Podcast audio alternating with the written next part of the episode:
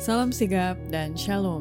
Renungan kita pada hari ini, Kamis 24 November 2022, berjudul Pencipta kita akan menebus kita. Ayat intinya terdapat di dalam Yesaya 43 ayat 1. Tetapi sekarang, beginilah firman Tuhan yang menciptakan engkau, hai Yakub, yang membentuk engkau, hai Israel. Janganlah takut, sebab aku telah menebus engkau. Aku telah memanggil engkau dengan namamu, engkau ini kepunyaanku. Pena Inspirasi menuliskan yang dimaksud dengan judul renungan kita pagi ini, pencipta kita akan menebus kita, adalah bukti dia peduli kepadamu. Dan makanya kita harus senantiasa datang menghampiri tahta kasih karunia Allah dan mengalami kasihnya yang tiada bandingnya itu adalah sebagai berikut.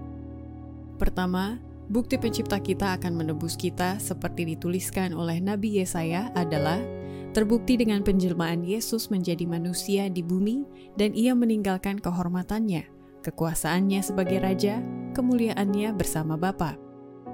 Kristus setuju untuk meninggalkan kehormatannya, kekuasaannya sebagai raja, kemuliaannya bersama Bapa dan merendahkan dirinya menjadi manusia dan terlibat dalam pertentangan dengan pangeran kegelapan yang kuat untuk menebus manusia. Melalui kehinaan dan kemiskinannya, Kristus mau memperkenalkan dirinya dengan kelemahan-kelemahan manusia yang telah jatuh, dan oleh penurutan yang sungguh-sungguh menunjukkan bahwa manusia dapat menebus kegagalan Adam yang memalukan, dan oleh penurutan yang rendah hati dapat kembali memiliki Eden yang telah hilang.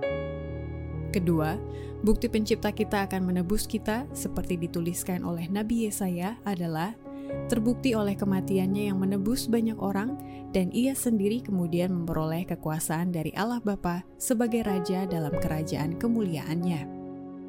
Dengan kesedihan kudus, Yesus menghibur dan menggembirakan malaikat-malaikat itu dan memberitahukan kepada mereka bahwa sejak saat itu mereka yang akan ditebusnya akan besertanya, dan bahwa oleh kematiannya ia akan menebus banyak orang dan membinasakan dia yang memiliki kuasa kematian dan Bapaknya akan memberikan kepadanya kerajaan dan kebesaran kerajaan di bawah segenap langit, dan ia akan memilikinya sampai selama-lamanya. Ketiga, bukti pencipta kita akan menebus kita, seperti dituliskan oleh Nabi Yesaya, adalah terbukti dengan pengulangan kembali nubuatan yang pernah disampaikan oleh Henok tentang anak Allah yang akan mati selaku korban manusia dan rencana kedatangannya dalam awan-awan di langit.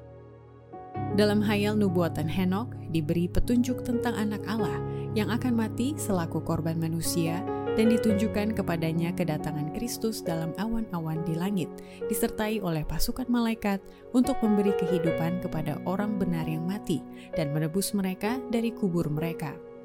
Ia juga telah melihat keadaan dunia yang rusak pada saat ketika Kristus akan muncul untuk kedua kalinya, bahwa akan ada suatu generasi yang sombong, congkak, mementingkan diri sendiri, yang berbaris dalam pemberontakan melawan hukum Allah dan menyangkal satu-satunya Tuhan Allah dan Tuhan Yesus Kristus kita, dan menginjak-injak darahnya serta mengabaikan pendamaiannya.